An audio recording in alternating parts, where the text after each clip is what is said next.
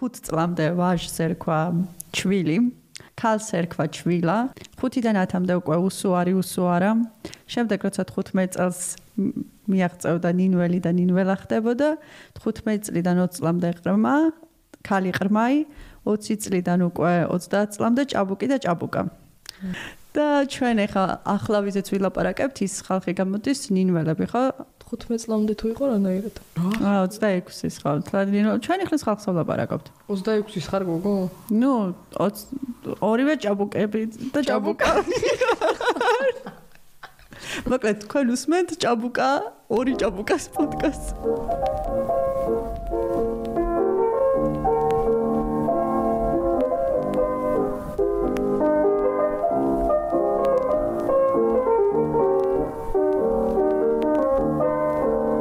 მოგესალმებით თქვენ უსმენთ სტუდია გეორგიკას პოდკასტ რესპუბლიკა. ახალი სეზონის მეორე ეპიზოდია უკვე და ჩვენ ახლა ვიწყებთ ჭაბუკებზე საუბარს, უბრალოდ სად სწავლობდნენ ჭაბუკები. ახლა ძალიან ბევრი ეპიზოდი რამდენი წინასწარ არ ვიცით, მაგრამ ბევრი ეპიზოდი ძირითადად კონცენტრირდებით სასწავლებლებს. ვინ სწავლობდნენ, სად სწავლობდნენ, ერთად იყვნენ თუ არა, ასაკით ემთხოვდნენ თუ არა, ვინ ვინ ვისი უმცროს უფროსი იყო და ასე შემდეგ. აა რას ასწავლიდნენ, თვითონ რას სწავლობდნენ მე? აჯანყებები როგორი ჰქონდათ რატომ გავლენა იყო, რა კლიმატი იყო საერთოდ სასწავლებლებში და რა სივრცე იყო, რა ტიპის ხალხი. რა ლიტერატურა იყო აკრძალული ეგეც. ხო, მაგას თვითონაც რა სწავლობდი მაგ ეგულის მედიაში. ანუ ჩვენ რეალურად საუბრობთ 80-იან წლებზე, ხო?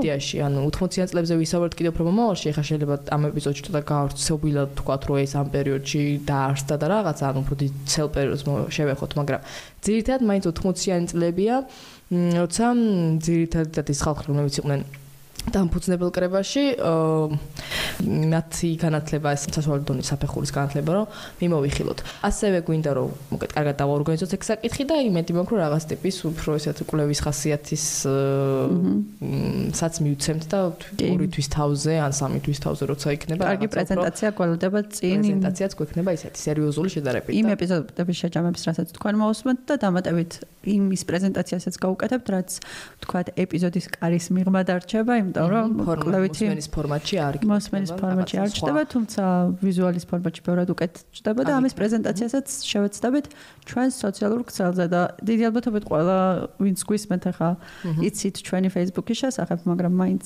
ვიტყვი რომ შეგეძლოთ გამოყვეთ დე რეპუბლიკას დე რეპუბლიკას Facebook გვერდზე. კიდევ ერთხელ ბოდიშს ვიხდი ამ რთული სახელისთვის რომელიც რამდენიმე თვის წინ შევარჩიეთ ხო, მაგათ ეს არის შესავალი და ამ შესავალში ჩვენ გვინდა რომ სანამ გადავალთ უშუალოდ კონკრეტულ სასწავლებლებზე და იქ ვილაპარაკებთ რაღაცებს. აა ზოგადად შევქმნათ ის სურათი და ხატი იმისა, რა მდგომარეობა იყო საშუალო განათლების კუთხით 1880-იანი წლებისთვის. აა რამდენი სასწავლებელი იყო, რა სასწავლებელი, რა პირობებში გაიხსნა დაახლოებით, რა იყო საინტერესო და მნიშვნელოვანი ამ სასწავლებლებიდან. აა უბრალოდ ასევე ვიტყვი რომ როცა ვსაუბრობ საშუალო განათლებაზე შევეხებით როგორც საეროს ისე სასულიეროს ანუ ვისაუბროთ გიმნაზიებზე საერო კუთხით და სემინარიებზე სასულიერო კუთხით. ხუმრობენ ხოლმე რომ სასულიერო სემინარია იმდენი ათეისტი შვა რამდენიც თქვა არც ერთ სხვა სასწავლებელს არ უშვია ეგ იცი ვიტყვია კი გონი. მაგრამ ეხა ფილიპე მახარაძე ფილიპე მახარაძე მახსოვდა ზუსტად. და ნუ ისეთი კაი ფრაზაა, მაგრამ ისეთი ტიპის ავტორის ავტორი ისეთია რომ კაი ხო. ვერ იტყვი რომ ის კაცი აინშტაინი იყო, ვაიბი არ მოაქვს. აინშტაინი ეს კაცი იყო ილიას ვაიბიც არ მოაქვს. მოკეთ, პრისი თქმას მინდოდა ჩვენ რომ ნახეთ წლები პირველი სასულიერო სემინარიის დაარსების და პირველი გიმნაზიის დაარსების. გიმნაზია არის ბევრად აქეთკენ ანუ ჩვენ ჩვენ მხარეს. იმი გაგებით 1817 წელს იხსნება პირველი სემინარიები. აა სემინარიები იხსნება ერთდროულად გორში, თბილისში და თელავში. და 30-იან წლებში 30 წელს მგონი იხსნება პირველი თბილისის გიმნაზია, კლასიკური გიმნაზია. აჰა. ეგ რატო გაგიკვირდა კიდევ არ ხვდა. შეიძლება დრო სჭირდებოდა იმ ხრივ რომ მომზადებული იყვნენ პედაგოგიკის მხრივ. არ მგონია რომ რესურსი არ იყო და მაგიტო ემზადებოდნენ მაგ პერიოდში. გახსოვს ეგ ის პერიოდია მე ცოტა რომ უნივერსიტეტი იქნებ თხოვოთო და მოთხოვს. არ მგონია რომ რესურსის პრობლემა ყოფილიყო. უბრალოდ რაღაცა პოლიტიკის ამბავი იქნებოდა ჩემი აზრით. რომ სასულიეროში დაუშვეს, მაგრამ საევრო ჯერ არა. რაღაც ეგეთი ის მგონია მე პირადად ვიცი. ხო, ნუ მაგ მაგის გაკურობის გარდა რო აი სასულიერო და ჯერო გაიხსნა მე გიმნაზია, ნუ მაგრამ კიდე რაც მე ძალიან გამიკვირდა. ამაზე მუშაობისას ანუ ჩვენ მოვიძიეთ ინფორმაცია ყველა დამბუძნებელი კრების წევრზე. და მან სასწავლებლებში ვინსად იყო ყველა სია შევკარით და შემდეგ დავაჯგუფეთ. და უბრალოდ ძალიან გამიკვირდა რომ ამდენი სასწავლებელი იყო. ხო. შეიძლება არ არის საერთოდ გასაკვირი და რაღაცა უბრალოდ იმენად ხშირად გესმის რომ აი კლასიკური გიმნაზიის შესახებ გესმის ბარათაშვილის და იმის აი მაგათი პერიოდის კონტექსტში 30-იან წლების კონტექსტში გესმის კლასიკური გიმნაზია. მე აქეთ 80-იან წლებში გესმის სასულიერო სემინარია დომინანტურად. და ნუ აი ქუთაისში იცი რომ ხდებოდა ამბავი და ქუთაისის გიმნაზიის და სასულიერო სემინარიის ამბავიც ხსმენია, მაგრამ რაღაცნაირად ისე შთაბეჭდილება მქონდა, რომ ამის გარდა რაღაცა იქნებოდა, მაგრამ იმდენიც არაფერი. ხო, ნუ მაგრამ გასათვალისწინებელია ის, რომ რამდენ ბავშვს უშვებდნენ და რა განათლების იყვნენ ეს ბავშვები, იმიტომ რომ იმას კი რომ სწავლას და განათლება გუგუნებდა იმ პერიოდში, უბრალოდ თვითონ დაწესებულებებით რამდენი არსებობდა. ახლა მე არ მეგონა. ახლა მაგალითისთვის თუ ვიტყვით წელი არ მახსოვს როცა გამოუშვეს, მაგრამ მე-19 საუკუნის ბოლო ეგ მახსოვს. 1800 რაღაც 50-იან წლების მერია და 90 1895 წელი უკაცრავად კიდე უფრო ახლოსაა ჩვენთან. 1895 წელს ვაშთა გიმნაზიიდან 99 მოსწავლა გამოუშვეს და აქედან მარტო 23 იყო ქართველი. ხო, ნუ პირველი რესპუბლიკის კონტექსტში მასშტაბურობის საკითხზე სულ გვიწევს ხოლმე ხაზი რო გავუსვათ რომ ყველგან ეგრე ახდებოდა. აა მაგრამ თვითონ ეს პრეცედენტები რო იყო უკვე და რაღაცა კეთდებოდა, ეგეც ხატია რომ ძალიან კარგია. რაღაცნაირად ისე არის ხოლმე რომ როცა რაღაცა პრეცედენტებს ვკითხულობ ხოლმე რომ ეს ეს ეს ესე იყო უნებლიეთ მეფიქრება გონებაში რომ აა რა საინტერესოა და როგორ განვითარდა მე ეგ ანუ უბრალოდ აი რამხელა პოტენციალია და ეს ხომ მაგარ რაღაცაში გადაიზრდება და მე მახსენდება რა როგორც გამიტარდა ეხლა მაგის შედეგში ვარ პრინციპში და არაფერის შეკვია, არაფერს აფიქრალი ეგ ამბავი არ არის, მაგრამ ხო, ნუ ეს ერთ ჩემ პატარა სენტიმენტი გავაზიარ. ამ ხო, ნუ აი პრეცედენტების კუთხით მე მგონი კაი გადასვლა იქნება, რომ ვილაპარაკოთ მოკლედ ძალიან თქვა ერთი ორი სიტყვა აი რუსეთის ოკუპაციამდე რა სიტუაცია იყო ამ განათლების კუთხით. ну ძალიან შორ პერიოდში არა ცხადია ზუსტად აი იმ დროს მე-18 საუკუნის მიწრულს მეორე ნახევარში რა ხდებოდა საქართველოში განათლების კუთხით და საინტერესოა რომ რაღაცა პრეზიდენტი იქაც იყო თვითონ ამ ის რა ქვია სემინარიების არსებობის თბილისში გაიხსნა 1755 წელს სემინარია და 1792 წელს გაიხსნა თელავში. და აი რაღაც სახელმწიფო თარგმნის მაგისტრის რაღაცები შექმნეს ის იყო რაღაცა საღვთისმეტყველო ფილოსოფიური სასწავლებელი ალბათ რაღაც ჩემი წირიცოდეთ გელათის ამბავი წარმომიდგება რაღაც ეკვივალენტად, მაგრამ ცხადია მასშტაბურობის კუთხის განსხვავება, მაგრამ აი ტიპაჟურად სასწავლის მხრივ ასე წარმოვიდგემე პირადად. ეს თბილისის სემინარია იყო ანჩის ხატის ტაძრის ეზოში. დაარსებული და მასწავლებელთა შორის იყო ანტონ კათალიკოსი რაღაცა ცნობილი სახელია რაღაცა ისე მაინც ვახსენოთ იქნება ეს დარჩეს გონებაში ну 1795 წელს გაუკვდა აღამ ახმათხანის შემოსევის გამო თბილისის სემინარი უშუალოდ და თელავის სემინარი 1800 წელს მე როგორც მახსოვს უშუალოდ რუსეთის გამო. ну რაღაცა მოკეთ ჩანასახები და რაღაცა ცდელობები იქამდე იყო სანამ რუსეთი შემოგვეჭრებოდა ასე თქვა და სანამ როგორც ვახსენეთ პირველი სემინარია და გიმნაზია გაიხსნებოდა უშუალოდ მეფის რუსეთის ხელდასმით. და რაც შეეხება უკვე მე-19 საუკუნის პირველ ნახევარში გახსნილ სასულიერო სემინარიებს, როგორც ვახსენეთ, ეს ყველაზე ცნობილები ალბათ არის მაინც თბილისის სასულიერო სემინარია და ქუთაისის სასულიერო სემინარია ამ ეპიზოდში ამ ორ საერთოდ არ შევეხებთ და შემდეგ ეპიზოდებში უფრო კონკრეტულ ეპიზოდებში მოგვიწევს განვიხილოთ უფრო დეტალურად და ამიტომ ახლა აღარ მოგაცდენთ ამაზე. უბრალოდ აი მასშტაბურობის საჩვენებლად ქუთაისის სემინარიდან ალბათ დამფუძნებელი ეკრებიდან ნოე რამიშვილი ყველაზე ცნობილი. მაგრამ აი თბილისის სემინარიაში ძალიან ბევრი სახელი რომელიც ისეც უბრალოდ რო გინდათ რო არის იყო დაინტერესებული პირველი რესპუბლიკი დიდი ალბათობით გაგონილი ექნება მსმენელს. ცხადიანოე ჟორდანია მაკ სტავლობდა ასევე სილიბის როჯიბლაძე რომელსაც წინა ეპიზოდში ვისაუბრეთ ასე თუ ისე ისიდორე რამიშვილი და ასევე იოსები რემაშვილი ეს იმაუბედით იყმაწულის მეგობარი, ანუ სტალინიც ამ სემინარიაში სწავლობდა. მაგრამ დღეს იმის გამო რომ ჩვენ გვინდა რაღაცა წარმოდგენა შეგექმნათ დაახლოებით რა ხდებოდა და როგორი იყო ეს სემინარიები, რაღაცა ისეთი ზოგადი სურათი რომ დავხატოთ, შეგვიძლია ვისაუბროთ გორის სემინარიაზე. რახანს ორი კაცი სწავლობდა გორის სასულიერო სასწავლებელში. ერთი არის დავით ონიაშვილი და მეორე არის გიორგი გაგლოევი, მაგრამ ნუ ორივე მერე თბილისის სასულიერო სემინარიაში სწავლობდა. შესაბამისად, შემდეგ ეპიზოდებში დიდად გორის სასულიერო სასწავლებას ალბათ აღარ დავფარავთ. აა, ანუ მოგვიყევი აბა გორის სასულიერო სასწავლებელს.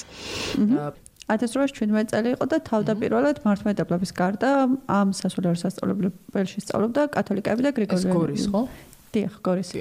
და სულ 48 მოსწავლე ყავდა და ის მოსწავლეები იყვნენ 6-დან 17 წლამდე. ანუ ჭაბუკები მთლად არ გამოდიან, უფრო ნინველები. უფრო ნინველები არიან. ანუ მე რაც გამეკვირდა გორის სასწავლებელში და ესეც ალბათ უფრო სტუმართან არის გადასამოწმებელი არის ის რომ განსხვავებით სხვა სასულიერო სასწავლებლებისგან ნათქვამია რომ მობიერად იყვნენ გაწყობილი მაშინდელი ხელისუფალის მიმართ ანუ მეფის მიმართ და უფრო რუსულს კარგად სწავლობდნენ აღფრთოვანებული იყო რუსულის სწავლით და მადლიერების წერილი ხომ მიიღეს მადლიერების წერილიც მიიღეს სწორედ ამ კარგი სწავლის გამო. უბრალოდ კარგი და მისასალმებელი არის ის, რომ მასწავლებლებს და მოსწავლეებს ჰქონდათ ძალიან კარგი ურთიერთობა თუ წაკითხულ წყაროებს ვენდობით.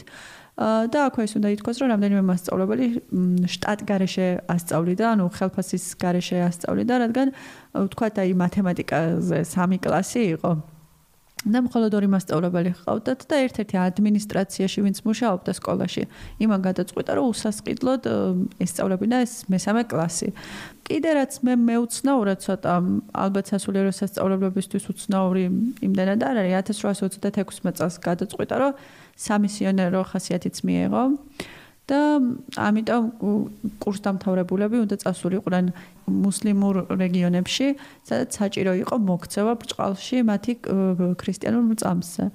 ეს 36 წელს ხდება როგორც უკვე აღნიშნე და აი ამ ამბის გამო და ამ მიზნის გამო სასწავლებელი გეგმასაც ცვლის, სასწავლო გეგმას და უკვე ძირითადი საგანები რუსულ და ქართულ ენებთან ერთად ხდება ოსური და თათურული ენებიც. აქ ესეც შეგვიძლია სტუმრისთვის გადავდოთ ან ჩვენ დამატებით ვნახოთ საინტერესოა ჩასვლის მერე რა მოახერხეს რა ისტორიები გქონდათ და ასეთები თუ რამე წყარო არსებობს კარგი მოსასმენი იქნებოდა თვითონ შენობასაც კარგი ისტორია აქვს მიწის ნაკვეთი სასწავლებელს უსასყიდლოდ გადასცა თავად მაირის თავმა შენი აზრით შენობა რამდენი ლარი დაჭდა ლარი არ ვიცი. რამდენი მანეთი დაჭდა? არ ვიცი. თუ რუბლი უკაცრავად, რუბლი დაჭდა რა 68270 რუბლი. და 19 კაპიკი უკაცრავად. ხო? 68270 რუბლი და 19 კაპიკი. ეს რაც შეეხება სასწავლო სემინარიას, მაგრამ კიდე განსხვავებული ტიპის სასწავლებელს, რომელსაც საშუალო განათლების საფეხურის კუთხით მიმოვიხილავთ დღეს არ შევეხებით საერთოდ პროფესიულ სასწავლებლებს ეს შემდეგი ერთი ეპიზოდი გვინდა ამაზე კიდე ცალკე გავაკეთოთ მაგრამ ახლა ასე შევეხებით არის გიმნაზიები. აა გიმნაზიები როგორც უკვე ვახსენეთ უფრო გვიან იწყებს გაჩენას საქართველოს ვიდრე სასწავლო სასწავლებლები ანუ საერო განათლება იწყება 1850-იან წლებიდან და ეხლა გიმნაზიებში რა არის მნიშვნელოვანი გიმნაზიები იყო ბევრნაირი. ნუ ბევრნაირი რა, სამნაირი. აა ანუ ბერძნული ენის გაძლიერების სწავლებით იყო ერთი, მეორე ლათინური ენის გაძლიერების სწავლებით და მესამე იყო რეალური გიმნაზია. ხა რეალური გიმნაზია ცოტა დამაბნეველი სათაურია, მაგრამ ნუ პრინციპი ის იყო, რომ აქ საბუნებისმეტყველო დისციპლინას და თანამედროვე ენებს სწავლობდნენ გაძლიერებულად. აა განსხვავებები ამ სასწავლებლებს შორის იყო იმ ხრივ, რომ აი სწავლის გაგრძელების უფლება აა სათქონდა, თქვა პირველ ორი ტიპის გიმნაზიის დასრულების შემთხვევაში შეეძლოთ, რომ წასულიყო და ესწავლათ უნივერსიტეტშიც, მაგრამ აი რეალურ გიმნაზიას თუ დამთავრებდი, მაშინ სწავლის გაგრძელების უფლება მარტო ტექნიკურ სასწავლებლებში გქონდა. აა რაც შეეხება აი სად იყო გიმნაზიები და როგორ იყო, როგორც უკვე ახსენეთ, პირველი კლასიკური გიმნაზია. გაიხსნა თბილისში და ეს იყო ცხადია ვაშთა გიმნაზია და ამის გარდა თბილისში შემდეგ უკვე ორი ვაშთა გიმნაზიაც გაიხსნა. ქალთა გიმნაზიაც ჯამში იყო სამი თბილისში უშუალოდ, თორე სხვა ქალაქებშიც ცხადია იყო ორივე ქალაქში ქუთაისშიც და თბილისშიც ხვდებით სათავადაზნაურო გიმნაზიას, კლასიკურ გიმნაზია ქუთაისსაც აქვს. ასევე ქუთაისის წმინდა ნინო ქალ წმინდა ნინოს ქალთა გიმნაზია არის აღსანიშნავი ჩვენი დამფუძნებელი წევრების კუთხე კუთხით ამის მიღმა იყო ფოთში, ბათუმშიც, გორშიც. უბრალოდ ესენი ნუ მოგვიანებით ანუ 1900-იან წლებიდან ჩნდებიან უკვე ასპარეზზე. ახლა უბრალოდ როგორც სასულიერო სემინარზე მიმოვიხილეთ რაღაცა კითხები და შევეცადეთ რაღაცა სურათი დაგვეხადა. იგივენაირად შეგვიძლია გიმნაზიების კუთხითაც ვიმსჯელოთ. ისე გორში გვილია მივაკითხოთ საშუალოდ ახლა გორის ქალთა გიმნაზიიდან ნამდვილად არავინ არ იყო დამფუძნებელ კრებულში და ნამდვილად ამ სასწავლოს სხვა კუთხით ნამდვილად აღარ შევეხებით. გორის ქალთა გიმნაზიაზე მასალებში რაც წავიკითხეთ, იქ საინტერესო იყო 1918 წელს რო იწყება გაეროვნების ეტაპი. რაც სხვა სასწავლებლებშიც მიმდინარეობს, უბრალოდ ჩვენ გორის ქალთა გიმნაზიაში წავიკითხეთ და ეს მგონი კარგად აჩვენებს ხელისუფლებას რა მიდგომა ჰქონდა ამ დროს, იმიტომ რომ იწყება ქართულ ენაზე აქცენტი, რაც თავად გიმნაზიის და ახალგაზრდობის და ჭაბუკობის პერიოდში ენატრებოდათ რომ ნაცვლად იმისა რომ რუსულ ენაზე ყოფილიყო აქცენტი უკვე აქცენტი გადმოდის ქართულზე, ეროვნულზე და ის მასწავლებლები ვთქვათ რომლებიც უარს ამბობენ რომ ასწავლონ ქართულად ქართული ღირებულებები სკოლიდან უშვებენ. და ნუ საკითხს ფოთაშორის სკოლების განხრით არა, მაგრამ სუსუ პირველ ეპიზოდზე ბატონი ბექა საუბრობდა, რომ დაიწყო ესე ვთქვათ ეს რასაც ქართულ შოვინიზმს მოიხსენებენ, რომ გახსოვს ეს ლაპარაკობდა, რომ გაუშვეს საჯარო სამსახურებიდან რუსი მოხელეები, რუსულად აიკრძალა ყველაფრის საქმეს. და აი იგივე სამბობდა ბატონი ბექა მინდიაშვილიც ჩვენს პირველი სეზონის ბოლო ეპიზოდში, როცა საუბრობდა, რომ უკვე სასულიერო სასწავლებლებთან ერთად ეკლესიებშიც ძირითადი აქცენტი უკვე ქართულზე კეთდებოდა და თხოვდნენ სახელმწიფოებრიობის აღიარებას ქართულის დამოუკიდებელი სახელმწიფოს. და ნუ როგორც აღმოჩნდა ალბათ სასწავლებლებშიც იგივე და რელიგიურ ნაწილშიც იგივე თქმა შეგვიძლია ეროვნულის მხარეს დადგა სასულიერო სივრცე. არ მინდა რომ მხოლოდ სასწავლებელი ვთქვა იმიტომ რომ ზოგადად საერო ხელისუფლების გვერდით დადგა სასულიერო ეროვნული საკითხების ნაწილში. კი. ფოტოშოპში ძალიან კარგი ფოტო არის შემორჩენილი. გორის მიწისურა რო იყო 22-ში? 22-ში კი. 22-ის გორის მიწისურა რო იყო, მაგ დროს როგორ დაინგრა გორის ქალთა გიმნაზია, მაგის ფოტო არის შემორჩენილი და ძალიან ისეთი. აა 1920 წლის 20 თებერვალს ყოფილა აღონდ მიწისურა. ხო, კი ბატონო, არა მაქვს პრობლემა, მაგრამ ფოტო არის შემორჩენილი 1920 წლის. აბუნებრივია რომ 22 რო ყოფილიყო, უფრო სხვაგანით ვიტყოდით. სიმბოლურად? ანუ სიმბოლურად არა, უბრალოდ შეიძლება ქალთა გიმნაზიაც აღარ ყოფილიყო იქ ქალთა გიმნაზია. აჰა, მესმის ხო. ანუ ისეთ პერიოდში ვართ ელენა, სადაც პლუს მინუს 1-2 წელი, ანუ ძალიან მნიშვნელოვანი. ძალიან უცნაური სხვა ისტორია. სულ სხვა ისტორია. ხო. ერთიც გვინდა რომ ეპიზოდის განხილვა დავასრულოთ, არის რომ რეალურად ცოტა უფრო ცლად მოგიყვეთ ამბები, ამბავი ბათუმის ქალთა გიმნაზიიდან, იმიტომ რომ ბათუმის ქალთა გიმნაზიას აღარ შევეხებით საერთოდ ამ მაშინ რა ქვია ეპიზოდებში და სანამ ქალთა გიმნაზიებზე ვართ ასევე ვიტყვით რომ ჩვენ რო ხუთი დეპუტატი ყავს ხალი პირველ დამოზებაში აქაც ისინი სწავლობდნენ ორ-ორად ასე ვთქვათ, იმიტომ რომ ორი სწავლობდა ქუთაისის მინდანინო ქალთა სასწავლებელში და ორი სწავლობდა ქართულ ან თბილისის ქალთა გიმნაზიაში. ერთი არ ვიცი, სწავლობდა ჯერჯერობით ვერ დახით ინფორმაცია. აა ხო, ну, მოკეთ ბათუმის ქალთა გიმნაზიის ამბებით გვინდა რომ დავასრულოთ, იმიტომ რომ რახან არავინ არ იყო ამ სასწავლებლიდან, ბუნებრივი ამ საკითხს აღარ შევეხებით, მაგრამ გონია რომ რაღაცნაირად ზოგად განწყობას იმის შესახებ რომ თუ რა ხდებოდა ამ პერიოდში, ამ ჭაბუკობის პერიოდში, ამ სემინარებში და როგორი იყო და ჭაბუკობა აქ ისეთი სათქმელია. აქ ჭაბუკა ჭაბუკა აი მართლა რუცი როგორ უნდა? ჭაბუკა ხალხი სწავლობდა როგორ უნდა ვთქვა ანუ ქალები სწავლობდნენ და ვცდილობ რომ ჭაბუკები ქალებად ჭაბუკობა მოვთარგმნ ჭაბუკასთვის. რა ვიცით როგორ უნდა ეგ აა ნუ 2010 წელს შეუსრულდა 100 წელი ამ ქალთა გიმნაზიას. კი ახლა არის მეორე საჯარო სკოლა და ვაშთა ბათუმის გიმნაზია ხარი უნივერსიტეტი და ეგეც საინტერესო შენობების ნახვა მაგ შემთხვევაში შეგიძლიათ. აა ხო, ნუ ძალიან საინტერესო დაარსების საკითხი. ხო, თქვა დაარსება ჭიანურდებოდა და ამას სასაცილო მიზეზი ჰქონდა რატო ჭიანურდებოდა, იმიტომ რომ ეშინოდათ მოვიდა ესეთი მიზეზიო. ჭკვიანი ქალების რიცხვის ზრდა ეშინოდათ და თან ისაწუხებდათ რომ აივსებოდა სასწავლებელი მზარეულების პარიკმახერების პირდაპირ ციტატაა რომ გაამროლებს ინტელიგენტი ქალების რიცხვის მით უფრო რომ გიმნაზია აივსება მზარეულების პარიკმახერების მეტლების თერძებისა და მათი მსგავსი ხალხის შვილებით ასეთი იყო პასუხი ოლქის მზრუნვალისგან. ნეტა ვინ არის ოლქის მზრუნვალი? ამ პასუხმა უფრო გაამძაფრა სურვილი ქალთა გიმნაზიის დაარსების. აჰა. არ ვიცი ოლქის მზრუნვალი ვინ არის. კარგად ზრუნავდა გადასარევი მზრუნვალი. ხო. ხო ნუ სწავლაც ხადია რუსულ ენაზე მიმდინარეობდა აქ კურიკულუმის საკითხი ალბათ როგორც აქ იყო დიდელბათობის სხვაგანაც იგივენაირად იქნებოდა და ამ საკითხს უკეთესად ჩავეძიებით მომავალში მაგრამ შეგვიძლია ვთქვათ რომ სახთოს ჯული სწავლებოდა რუსული ენა და ლიტერატურა ხადია მათემატიკა ფიზიკა გეოგრაფია ისტორია პედაგოგიკა დიდაქტიკა ჰიგიენა ფრანგული ენა ცეკვა თამაში რავი ყველაფერი იდეაში ხელმგამრჯობა და ქართული ენაც იყო ოღონდ როგორც ნახეთ მხოლოდ აი საეკლესიო წერილებს წმინდა წერილებს ასწავლენ ქართულ ენაზე. და ნუ თან სჯიდნენ თუ ქართულად ილაპარაკებდნენ ქართულად იფიქრებდნენ ეს ჩანს მოგონებებიდან და ერთი აღნიშნავს კიდე რომ ქართულს მგონი არც კი გვასწავლიდნენ რომ იმდენად მწირი იყო შეხება რომ არც კი ახსოვდა. ნუ ხუთი კლასი გაიხსნა 1900 წელს და არც ეს უშუალო და ხუთი კლასი და გაიხსნა თავიდან. და ანუ ძალიან მწირი ხადია რაოდენობა 24 იყო მოსამზადებელში 36 მეტი იყო. ქართველები რამდენი იყო აქედან ეგ საკითხავია იმიტომ რომ ხო, ეგეც აბიცი მართლა გითხრა საერთოდ. მაგალითად 1904 და 1906 წლებში 40% იყო არარუსი ხოლოდ. და ესე იგი უმრავლესობა შეიძლება არც ყოფილიყვნენ ქართველები ამ დროს.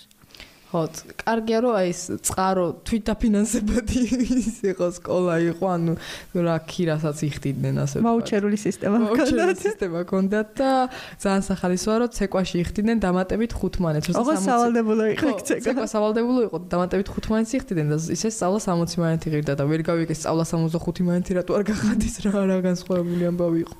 ის მომენტი იყო ძალიან საყვარლობა.